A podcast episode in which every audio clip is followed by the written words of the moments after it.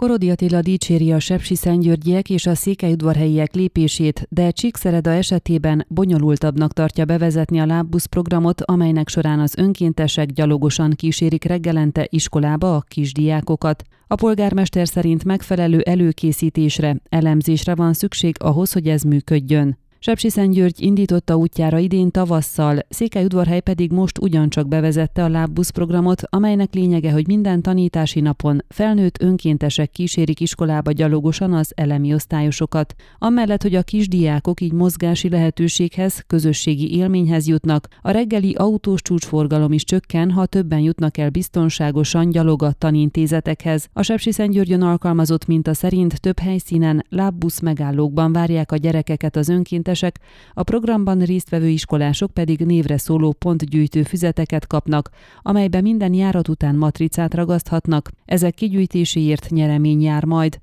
Csíkszereda utcáit is folytogatja a reggeli csúcsforgalom. A Sepsi Szentgyörgyön nagyon népszerű program valószínűleg lazíthatna ezen, Kérdésünkre, hogy van-e létjogosultsága a lábbusznak a városban, és miképp lehetne bevezetni, Korodi Attila polgármester elmondta, hogy Csíkszereda kisé másabb helyzetben van, mert több tanintézet több városrészben található, és van egyfajta összekuszáltság, mert nem teljesen lakónegyedekre van leosztva a diák létszám. Ebből kifolyólag egy kicsit ez összetettebb. Azt mondhatnánk gyorsan, hogy jó ez a trend, és gyorsan megcsináljuk, de azt szeretnénk, hogy egy alapos elemzés során nézzük meg, miképp tudnánk csökkenteni az iskolák környékén az autós forgalmat, akár azzal is, hogy gyorsan lehessen elhagyni azt az övezetet, másrészt ilyen programokat indítva, arra ösztönözve a gyermekeket, hogy minél többen jöjjenek gyalog, vagy akár buszokkal.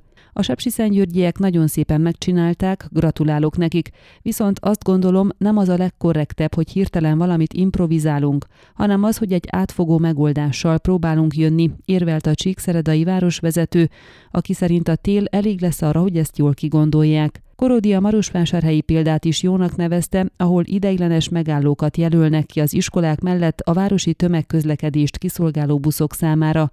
Csíkszereda kevés városi busszal rendelkezik, amelyek elavultak, ezért noha újabb három gépjárművet állítottak forgalomba leasing szerződés alapján, a városvezető azt mondta, visszafogott ezen a téren.